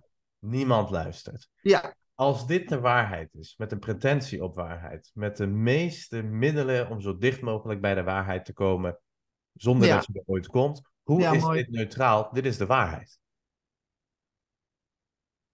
Ja, nee, dat is niet. Ja, is dat neutraal? Kijk, ik, ik, natuurlijk zijn er, natuurlijk zijn er, hoe noemde jij nou, noemde dat in een andere podcast iets met iets over de facts? Je had daar een woord voor. Ja, ik weet het niet. Sorry? Ik hoorde je niet. Ja, je had het in een andere podcast met iemand had je een, een woord voor facticiteit of zoiets. Of, oh ja, ja. Ik weet niet meer hoe je dat noemt. Zoiets, hè? Ja. Ja, dus de feitelijkheid misschien van, van, van dingen. Voor mij is dit natuurlijk, voor mij is dit een feit en er is, daar is ook uh, zoveel evidentie voor. Ja, dat noemt Greta Thunberg altijd mooi, the best available science. Ja. En um, de klimaatwetenschappers zijn het eens. Hè? Sinds uh, nou ja, 2021 uh, is dat eigenlijk het IPCC-rapport, het zesde IPCC-rapport. Daarin is consensus beschreven over de planeet warmt op en het komt door de mens. Ja. Uh, en daar is geen, geen discussie meer over. Dat is een, een, daar is wetenschappelijke consensus over, zoals er wetenschappelijke consensus is over dat de aarde rond is. Uh, en dat de aarde niet, uh, uh, niet is begonnen bij het Oude Testament. Er, er is ja. ook wetenschappelijke consensus over. En dan mag iedereen dat nog steeds wat, wat anders vinden. Maar wetenschappelijk is dat geregeld. Dan zal ik zeggen dat is een neutrale boodschap. Dan zal ik zeggen dat we een beroep doen op die wetenschap. Ja. Ik snap wat je bedoelt. Hè? Je zegt sociaal historicus ja. die neutraal. Ik zou juist beargumenteren. Dat dan wordt het neutraal. Ja, er is wetenschappelijke consensus. Ja. We hebben zo breed mogelijk gekeken. En de niet-neutrale boodschap is de ontkenning hiervan, is de politieke ja. boodschap hierover, ja. is de uh, manipulatie of de belangenverstrengeling hierin. Maar ik zou hem juist om willen draaien. Ik zeg, wetenschappers zijn het ermee eens. Er is wereldwijd consensus, voor zover consensus kan komen. Ja. Dit is neutrale Wetenschap. Ja, en in dit geval zeg je, het ruis wat er nu is, en zo moeilijk is dat met argumenten, die kan ze omdraaien, die doet er nu niet toe. Waar in jouw onderzoek waar je zegt, het ruis doet er toe. Je zegt, de ruis die er nu is, die doet Hier, er met... Ja, die ruis, het, het allerergste is dat die ruis die ik bestudeer of interessant vind, er eigenlijk ook bij klimaatverandering nog steeds toe doet. Helaas, omdat die mensen die het minst hebben bijgedragen, het hardst getroffen worden. Dit is een, een gevolg van uh, de leefstijl en de, de handelingen, het gedrag van feitelijk een kleine groep hè, van de, de, de hooginkomenlanden. Hè, de landen die zichzelf superieur vinden, die zichzelf ontwikkelde landen. Amerika en West-Europa. Amerika en West-Europa hebben dit bewerkstelligd. En dat wordt door Farhana Sultana zo prachtig klimaatkolonialisme uh, genoemd. Wij koloniseren feitelijk nog steeds de wereld, maar nu via de atmosfeer. Met dat wat we uitstoten, koloniseren we de rest van de wereld en die moet zich weer verhouden tot de ellende die dat, uh, die dat veroorzaakt. En dan als mensen gaan schuiven, dan gooien we de grenzen dicht en uh, we, plunderen, uh, we plunderen voort om onze manier van leven voor te kunnen zetten. Voor mij is dat een heel helder beeld. En jij beschreef in het voorgesprek ook die schok hè, van, van ehm, er is geen plan. Ik dacht, ik leef in een wereld waarin een plan is en een land waar een, een plan is, min of meer. Voor mij ja, was dat... van, uh, als het helpt hoor, uh, van dat je vroeger, hoe ik naar Nederland keek, is als het water stijgt, weet je, we hebben de waterschappen, die houden dat in de gaten. Ja, ja. Als er iets moet veranderen in de gezondheidszorg of het, uh, of het onderwijs, we hebben ja. ome Wim Kok die daarvoor zorgt. En die draait aan een knop. Ja, en het, weet je, we werken ja. eraan.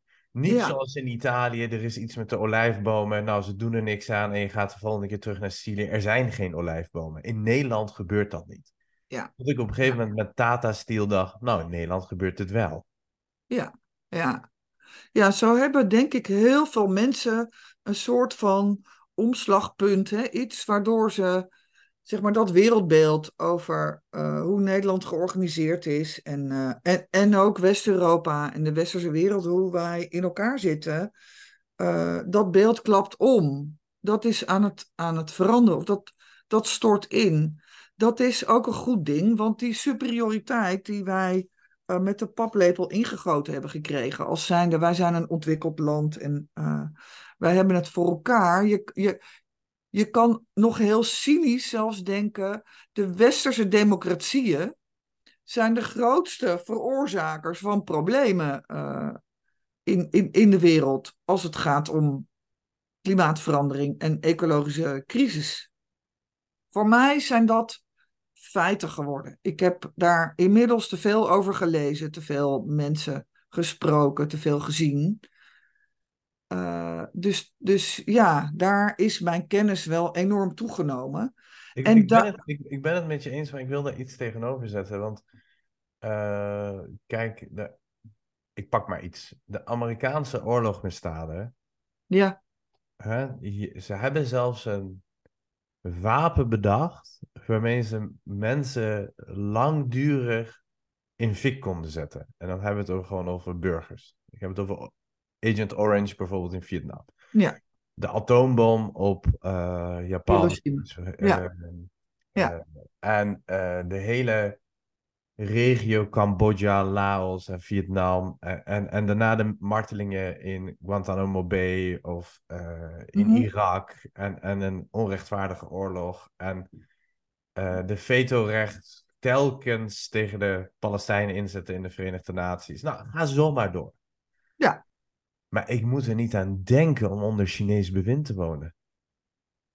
Met... Ja, maar waarom zou dat je alternatief zijn? Dat, nee, nee, om, om, maar, om maar iets ja. te zeggen. Dus als je het hebt over... Ik vind dat we dit ook voor de luisteraar in perspectief moeten plaatsen. Ja, zeker. Is dat je niet zegt van... Uh, de, de, weet je, laten ik we wil ze afschaffen. Oh nee, dat is niet... Ja, dat is wel goed dat je dat zegt. Of het alternatieve. Ik kom oorspronkelijk is... uit Iran. Je hebt het over vrijheden en omgaan met de natuur. Nou dan, weet je, dan, dan, dan is Europa echt wel het boegbeeld van hoe het moet. Ik heb lang in Albanië gezeten. Die zeggen, alsjeblieft, laat ons bij Europa. Dus ik wil ook even wel erkennen wat we wel hebben. Ja, dat begrijp ik goed. En tegelijkertijd denk ik dat heel veel mensen niet weten dat Nederland nog 15% biodiversiteit over heeft. Vergeleken met 100 jaar geleden. Dat dat wat wij als natuur hebben leren te zien, dat is, dat, dat is raaigras, dat is zijn grasvelden om stront op uit te rijden uit de bio-industrie. En wij zien dat als het Nederlandse platteland en als. Uh... Dus er zijn verschillende manieren van kijken naar, naar natuur. Ik, ik breng het weer even terug naar waar we begonnen. Eigenlijk zeg je ook hier weer: dit is een sociaal construct. We, toevallig ja. zijn we hier beland. Ja. En dan toevalligheid wordt steeds groter en sterker, net als die richtlijn, net als dat beleid. Ja. ja. Daar moeten we kritisch naar kijken en zeggen: jongens, is dit nog wel het goede? Nou, die democratie, dat vind ik natuurlijk een prachtig instrument. En ik heb mezelf ook altijd als, als een democraat in hart en nieren beschouwd. En nu denk ik: de democratie doet niet wat hij moet doen. Die doet onvoldoende het werk wat we ervan mogen verwachten. Uh, en daarom is dat denken daarover, die vierjaarscyclus, als we het al redden, vier jaar. Hè, we hebben een langere termijnvisie nodig. We hebben een visie nodig waarin partijen niet elkaar uh, voortdurend afstraffen op, op, op details of, of vliegen afvangen op feitelijk details en kleine regelingen, maar een groter beeld gaan neerzetten van waar het heen moet. Um, want dat is nodig, omdat we ja, vastlopen op alle mogelijke manieren. En dat is eigenlijk waar we nu in zitten. Dus we zitten vast in de woningbouw, we zitten vast met Schiphol en we zitten vast met de boeren. En we zitten vast met het OV. En, ik, en dan heb ik het alleen nog maar over Nederland. Over onze eigen ja, eerste wereldproblemen uh, hier. Dan heb ik nog niet en, eens... Ja, sorry? Maar, maar zeg je daarmee ook van... Ik zie dat het misgaat. Ja. En dat zie ik als mens en zie ik als wetenschapper. Ja. Ik voel me niet gehoord via de reguliere kanalen, zoals de democratie Petra gaat dan stemmen ik zie het als mijn burgerlijke plicht om dan een nieuwe communicatiemiddel in te zetten. Dat is demonstreren op de A12, om aandacht te vragen voor deze maar dingen. Dat is democratie. Dat is volledig binnen de democratie. En dat vind ik er eigenlijk heel mooi aan. Burgerlijke ongehoorzaamheid is een demonstratievorm die, die de democratie juist opfrist. Mm feitelijk duwen wij met die, met, die, uh, met die demonstraties, we duwen de politie tegen de wand, we duwen het OM tegen de wand, we duwen politici tegen de wand. Iedereen die vond dat wij binnen de lijntjes moesten kleuren van één keer per vier jaar het hokje rood maken en dan verder je mond houden. Hè? Wij leven in een politieke democratie, maar helemaal niet in een democratische economie. En die democratische economie veroorzaakt dusdanig problemen voor veel te veel mensen, dat we wel in actie moeten komen. Dus we moeten zorgen dat die democratie weer aan de slag gaat. Dat we weer mensen gaan stemmen en weer dingen gaan doen die ertoe doen. Uh, die, die een groter plan uh, in, toch in, in, in stukken gaan hakken. Oké, wat moeten we dan nu doen als we daar en daar willen zijn in 2050? Of als we een planeet of een land willen doorgeven aan volgende generaties waar het leefbaar is, dan zijn we niet, zijn we, uh, niet goed bezig met, met, met stomme regelingen uh, als, nou ja, wie fraudeert er met de toeslagen? Dan, ja. Eigenlijk zeg je, we hebben nu een systeem dat zo kortzichtig is, waardoor je geen duurzaam beleid kan maken voor duurzame problemen. En ik noem duurzame problemen problemen die je niet instrumenteel 1, 2, 3 kan oplossen. Ja. En doordat we zo korte termijn werken, in ieder geval niet transparant zijn over de keuzes die we maken, uh, en die ongelijkheid die we in stand houden, hebben we een enorme wantrouwen gecreëerd Waardoor Tuurlijk. een deel van de samenleving volledig is afgehaakt en nu de eigen realiteit aan het vormen is. Wat, wat dan soms ook losstaat van ieder vorm van realiteit. En dat het onze. Maar dat is niet waar hoor, dat zie, zo zie ik dat niet. Ik, ik spreek heel vaak, wij staan vaak te flyeren met mensen in gesprek op straat. En dan, uh, en dan zeggen mensen soms hele enge dingen. Um, en daar schrik je dan van. En tegelijkertijd dat gevoel van we worden beflikkerd. Hè? Ik, er zijn allerlei dingen die ik niet weet. Die hebben ze me niet verteld. Um, ze doen dingen achter mijn rug. Dat wantrouwen, dat is eigenlijk heel vaak spot on. Daar kan ik, kan ik heel vaak in mee. Dat zij dan vervolgens denken dat het door de WEF komt. Of dat het door, uh, weet ik veel, een organisatie van reptielen komt. Ja. Uh, daar, daar nemen ze een afslag. Die, die, ja, die kan ik dan moeilijk die, laten we zeggen, vanuit mijn wetenschappelijke perspectief kan ik die gewoon moeilijk invoelen. Hoe komt het nou dat je daar dan, dan, dan het antwoord vindt? Maar dat er uh, wordt samengespannen door grote corporations om, om belastinggeld weg te trekken. Uh, en te zorgen dat wij uh, geen oplossing vinden voor, voor de stikstofcrisis. Nou, dat, dat deel ik volledig met ze.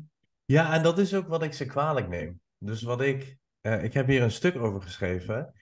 Kijk, eh, ze hebben verdomd gelijk in het wantrouwen die ze hebben. Ja, We leven nu in een wereld waarbij Europa, misschien het mooiste continent, de meest moordelijke grens is. Ja. Dat is een Ja. feit. dat is een feit. We Ja. leven in een wereld waarin we onderscheid maken tussen vluchtelingen en doden en mensen. Dat is Ja. gewoon de wereld waarin we leven. Ja. We leven in een wereld waarbij de regels toch minder of zelfs echt niet voor jou gelden als je genoeg inkomen hebt. Ja. Nou, dat, dat zien zij en voelen zij dagelijks. Dus Ja. met die ellende die wij gecreëerd hebben, en met wij bedoel ik de maatschappelijke orde, bedoel ik jij en ik. Ik loop Ja. in boardrooms, doen jij met wetenschap. Wij zijn daar verantwoordelijk voor. Wij Ja. hebben het systeem gecreëerd en houden die in stand. Dus dat zij daar tegen in opstand komen, hebben ze volledig gelijk. Maar vervolgens grijpen ze naar duistere theorieën, eh, waardoor ieder kritiek op het systeem, waardoor ieder kritiek op de samenleving wordt gezien, hè, dat gevaar heerst als een soort van wappietheorie. Wat ik graag zou willen, is, nou eigenlijk wat Extinction Rebellion aan het doen is, een, een, een maatschappelijk breed gedragen, wetenschappelijk ondersteunde stroming, die door die overheid niet weggezet kan worden als een stel wappies. Want wij zijn de samenleving en wij zijn de wetenschap en wij zijn juist die beleidmakers. Wij zijn juist die boeren. En dat zou ik op breder tal van thema's willen. Ik zou zo'n gesprek ook over de ingrijpende rol, waar ik niet zoveel moeite mee had als ik eerlijk ben hoor. Maar ik zou ook zo'n zo'n beweging willen op hoe de overheid is omgegaan met corona. En Ja. dan wil ik niet per se horen dat dit bedacht is door Bill Gates omdat hij kinderen in een kelder Nee. wil. eh. dus Nee. ik, wil, ik wil die schouder aan schouder, maatschappelijk kritische, wetenschappelijk onderbouwde en filosofisch geïnspireerde stroming, zou ik op tal van vlakken willen. Ook op Groningers, ook op de toeslagenaffaire. Ja. Maar die dualisme die er wordt gecreëerd, van gek of niet gek, wappie of geen wappie, laat Ja. bijna niet toe. Ja, maar er zitten toch ook wel hele grote belangen. Eh, en die grote belangen, bijvoorbeeld, ehm, laten we zeggen, jij hebt het over Groningen. We weten van Shell en van de fossiele industrie dat zij decennia misinformatiecampagnes hebben, hebben gevoerd. Ze Terwijl ze hebben het al lang wisten. zelfs al lang wisten, ehm, al heel vroeg wisten, ook hele goede wetenschappers, over wetenschap gesproken, heel goede wetenschappers in dienst hadden, die netjes hebben uitgerekend dat we ergens begin jaren 2020 massale extreem weer eh, events zouden krijgen, om maar eens wat te noemen. Ehm, dus dat hadden ze knap uitgerekend en toch ging dat verdienmodel, dat ging gewoon door. Ehm, en ik vind het mooi dat jij in die boardrooms rondloopt. Ik hoop dat je daar ook de verhalen kan vertellen. Maar ik geloof eigenlijk niet in zelf meer in dat de boardrooms verandering gaan bewerkstelligen. Want En waarom niet? in hetzelfde systeem. Dat is een beetje... je- Exact, dat is allemaal- precies waarom ze het niet gaan doen. Dat is precies waarom ze dat niet kunnen doen. En waarom? Omdat de corporation bedoeld is om geld te verdienen. En is een prachtig voorbeeld, dat haal ik altijd aan van eh Emmanuel Faber van Danone. Dat, die man was een klimmer. Die klom in de bergen. En eh, moet je voorstellen dat je CEO bent van een bedrijf wat doet in zuivel in plastic. Ja? En je ziet vervolgens gletsjers onder je snuffert wegsmelten. En die telt één en één bij elkaar op en die realiseert zich, oh nee toch, wat wij aan het doen zijn. En die zegt in een grote meeting, we killed the cycle of life. Dat kwartje valt en zegt eigenlijk, we moeten het anders gaan doen. Nou, dat is natuurlijk nog een half jaar. En toen zat Faber in een leuke denktank. Uh, en die was CEO af. Waarom? De anonieme aandeelhouder stemt zo iemand weg. De, de, de aandeelhoudersvergadering stuurt de besturen weg.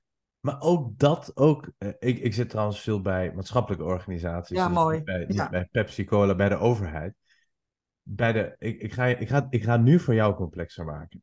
is goed. In die boardrooms van de overheid, voor uitvoerende organisaties, et cetera, zitten allemaal mensen die echt zijn opgestaan voor het maatschappelijk belang. Ja. En dat systeem trekt hun ook uit elkaar. Ja.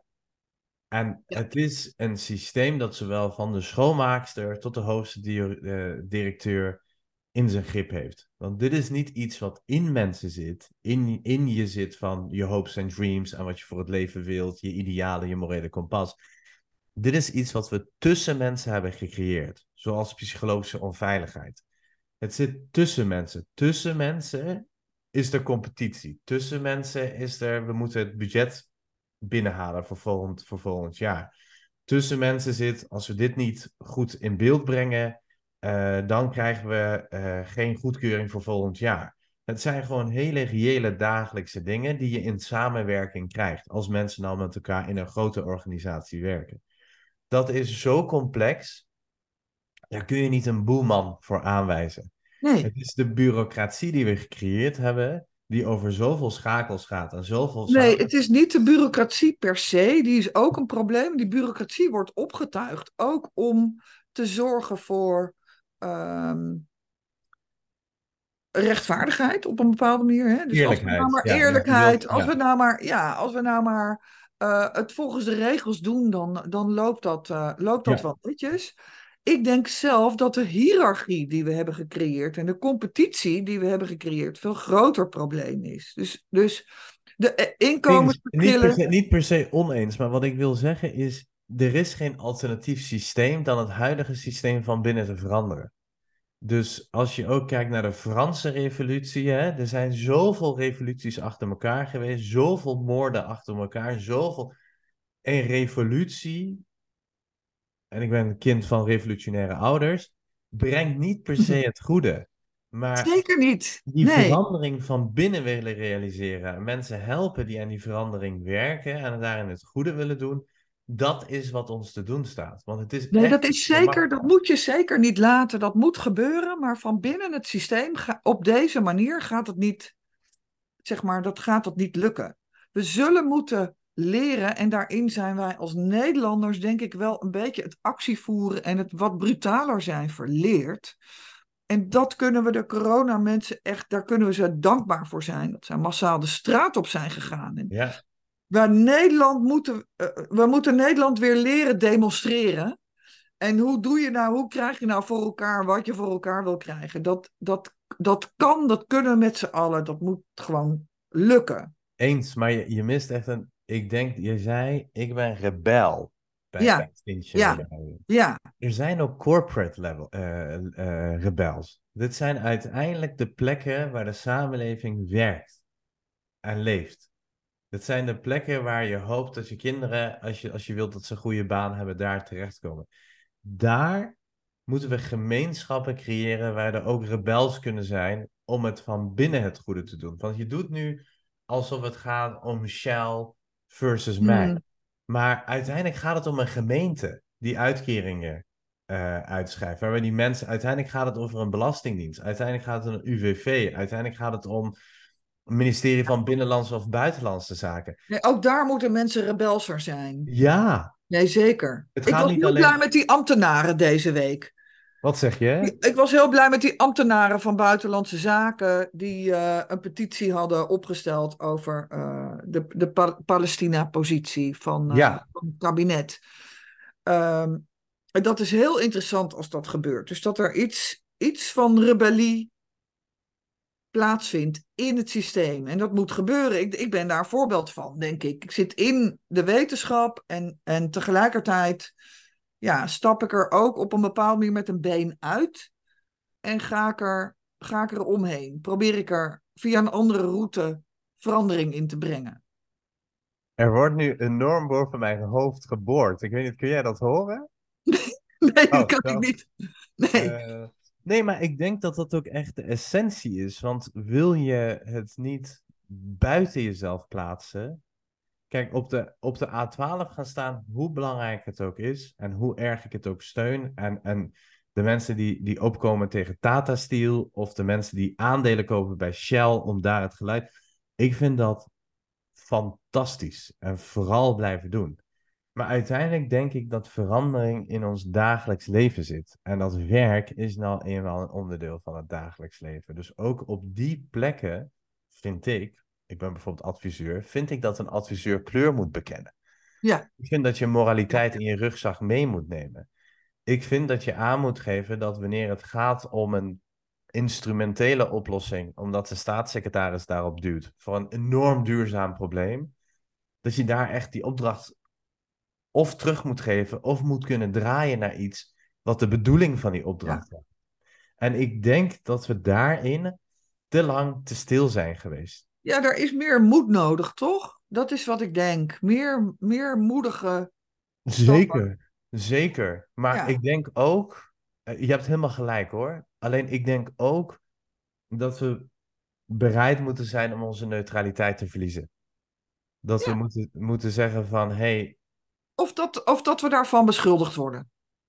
ja, En dan vind ik ook prima dat we ons dan moeten verantwoorden. ja, dat hoort. Dat hoort erbij. Dat is helemaal Ja. oké. Dat mensen tegen mij zeggen: hey, hoe kan het nou? En jij bent toch wetenschapper, hoe doe je dat dan precies? En in alle eerlijkheid, eh, politieke kleur.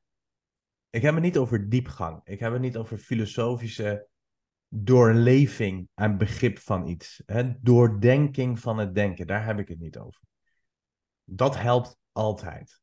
Maar politieke kleur is vaak ook niet heel erg belangrijk als je eh, ver genoeg doordenkt. Of je nou bent voor ultieme vrijheid of voor ultieme gelijkheid. Je weet dat ze in het dagelijks leven gaan botsen. Je weet dat wanneer we oneindig vrij zijn, we niet oneindig gelijk zijn. En dan gaat die broederschap al snel de deur uit. Waar het mij om gaat, is dat we met elkaar, of je nou gelooft in die vrijheid of in die gelijkheid, op een zo'n diepe manier doordenken hoe we hier het goede kunnen doen voor zoveel mogelijk mensen. Ja. Maar ook een stoel neerzetten voor mensen die zichzelf niet kunnen vertegenwoordigen, de weinig stemhebbenden. En daarin kijkt hoe we nou in dit ongelooflijk complexe geheel nog enigszins het goede kunnen doen. Als we dat doen, dan maakt het niet eens uit welke kleur je hebt en wat je meebrengt. Dan breng je iets waardevols in vanuit een bepaald perspectief. En niet iets hatelijks. En niet iets ontkennends. En niet iets liegends of iets manipulerends. Je zegt dan tegen mij: Ik geloof werkelijk in het autonome en het vrije van de mens. En dan zegt iemand anders: Ja, maar ik geloof dat we ook de zwakkeren moeten beschermen. En dan zegt iemand anders: Maar hoe doen we dat dan in verhouding tot ons nationale recht en, ons, en het internationale en het Europese? En dan kun je daar een Ja, fundamenteel. dat is natuurlijk de vraag: wat is het goede leven? Dat is natuurlijk gewoon, en dat is natuurlijk altijd een afweging van waarden en normen. Ja, Dingen die, die voor jou op het spel staan. Eh, en die moeten we ook maken. Dat is feitelijk ook democratie. Het zou natuurlijk prachtig zijn als wij, dat zou ik geweldig vinden, als wij een VVD hadden die echt voor vrijheid stond. precies. Dat staan ze niet. De VVD staat voor bedrijfsleven en belangen van rijke mensen. Daar moeten ze mee ophouden. Ze moeten eigenlijk de, de, de vrijheid waar ze oorspronkelijk voor zouden staan, dat moeten ze weer afstoffen en, en weer opnieuw uitdenken. Wat betekent dat dan? Hetzelfde geldt voor conservatieve partijen. Wat willen we behouden? Wat is belangrijk? Hoe kunnen we de dingen die waardevol zijn en die we altijd mee hebben gedragen, hè, de dingen die we, die we goed vinden, hoe, hoe kunnen we die doorgeven naar volgende generaties? Het zou prachtig zijn als we dat deden. Maar En ook voor de linkse partijen, hoe kunnen we nou echt voor onze idealen gaan staan, in plaats van iedere keer een beetje mee te wapperen om mee te mogen regeren? Sociale gelijkheid en rechtvaardigheid. Hoe Kleur bekennen voor al die, Kleur bekennen. En je ziet eigenlijk dat al die partijen natuurlijk vanuit, een, vanuit hun waarden wel degelijk iets doen, maar gewoon ja, toch deelbelangen zijn gaan vertegenwoordigen. Ehm, Want daar word je succesvol mee in dit systeem. Ja, dus moeten we het systeem bevragen. En dus mo- moet de democratie opgeplust worden. Die moet een, een, in een nieuwe jas moet die, eh, vorm gaan krijgen. We hebben We zijn begonnen met een verhaal over jouw werk in de geneeskunde en, en misschien de gebrek aan neutraliteit in de geneeskunde. Ja, Je begon over seksen en gender. Toen dacht ik, nou, ik ga straks ook vragen of je voorbeelden hebt van gender, maar dat zijn we helemaal niet meer aan toegekomen. Want we zijn verder gegaan met eh, het complexe in de gezondheidszorg, maar ook het complexe van neutraliteit. Ja. Van een wetenschapper die denkt van, ik word niet gehoord en de normale kanalen werken niet, ik moet nu iets doen. Waarbij we ook misschien samen concluderen: hey, dat is eigenlijk best een neutrale boodschap, want het is de waarheid zoals we die nu kennen. Dus ja, ik weet niet of we nog iets met het heilig huisje moeten. Vaak raakten we eh, thema's die door sociale constructies, dus gewoon door hoe we met elkaar leven en wonen en het een en ander hebben vastgesteld, dat we daarin een aantal denkfouten hebben of verouderde systemen of Ja. whatever, dat we dat dus weer eens in de ogen moeten aankijken. ja. Dat een keer herzien. Ja, ja, en dat moest op zoveel plekken waar we zeiden van ja, misschien moet het, moet- gaat het dan hier veel meer om een systeemverandering. En die systeemverandering is niet iets, is niet de vijand, want het systeem zelf wil eigenlijk kostenefficiënter, beter, sneller. En dat, dat, die belofte maakt het nu ook niet waar. Hè? Nee. Door shortcuts en, en symptoombestrijding komen alle problemen straks weer terug. Ja. Dan is mijn grote vraag nu, hoe kunnen we hierin het goede doen? Ja, ik ben ook weer dan geen politicus. eh, en misschien wel weer te weinig wetenschapper. Hm. Ehm, en misschien ook te veel rebel. Eh, maar ik denk eigenlijk dan toch. Ja, stoppen met de dingen die we doen. Stoppen met de manier van doen die we nu eh, dierbaar vinden. Ja, hoe dan? Hoe dan? Ik heb vanochtend de wc doorgespoeld met schoon drinkwater, terwijl de rest van de Ja. wereld een groot deel geen schoon drinkwater heeft. Dus niet een Ja. fantasie, er gaan nu kinderen dood zonder drinkwater. Ja, ik heb het mijn wc doorgespoeld met drinkwater. Ja. Hoe dan? Ja, wat, wat cynisch, hè? Nou ja, hoe dan? Kijk, een systeemverandering bereik je niet door individueel eh, een biologische groentetuin te gaan Nee, beginnen. Dat moet je niet laten, maar daar krijg je de landbouw niet mee om. Dus Nee. Sina, ik ga je dan toch uitnodigen om mee de straat op te gaan. Want dat is de enige manier als we met z'n allen toch tegen die systemen te hoop gaan lopen. Zoals dat nu gebeurt, hè, de discussie over gif. Jij begon over Tata. Tata is CO2, maar dat is ook gif. Gemoers is gif. Gemelot is, is gif. Hè? En we roepen allemaal, ja, maar de economie en die mensen en we hebben al die producten nodig en dat zal allemaal wel. Maar we hebben genoeg van gif. Mensen willen dat niet meer. We willen een leefbare planeet door, doorgeven. Uh, en we krijgen dat niet om via de bestaande politieke kanalen. We Ik moeten hoef, niet eens, ik hoef niet eens een leefbare planeet door te geven. Ik wil gewoon niet vergiftigd worden waar ik bij sta. Dus nou, we- alleen zelf al niet, ja. Ja, nee, Ja, ik wil dat wel hoor, maar ik denk, dit Nee. leek een Amerikaanse film die je op Netflix hebt van drinkwater. Dark ja. ja. en dan denk ik, dit is gewoon Ja. Nederland en dat zijn gewoon allemaal... Van hier, ja. Ja, het is gewoon hier. Onze leefomgeving wordt vergiftigd. Ehm, en daar kan je allerlei ook discussies over hebben of dat nou echt zo erg is en of het niet vroeger erger was. En dat is allemaal waar. Eh, en tegelijkertijd gebeurt het gewoon nog steeds. Er zijn er grote gezondheidsproblemen en wordt er te veel te weinig gehandhaafd. Dus, Dus je zegt er- activisme. ja, activisme is eigenlijk Wanneer, op dit Ik ga moment mee. Wanneer moet ik mee? Ik ga, ik ga even kijken naar de volgende actie, maar je moet sowieso mee op 12 november naar de Klimaatmars. Dat is 12 gewoon een hele brave, hele brave legale demonstratie. Daar moeten zoveel mogelijk mensen de straat op, want we moeten toch echt verstandig gaan stemmen op 22 november. Nou, ik ga mee. Ik schrijf het nu in mijn agenda. Eh, Als je eh, iets van informatie toestuurt, Ga ik dank, anders google ik. Nee, ga ik jou toesturen en eh wij gaan elkaar zien. Zullen we, ja, ik weet niet of dit op tijd eh, online is, want er is een heel reservelijst aan mensen Ja. die nog komen. Maar mocht je luisteren, 12 november de straat op. Oké, heel goed.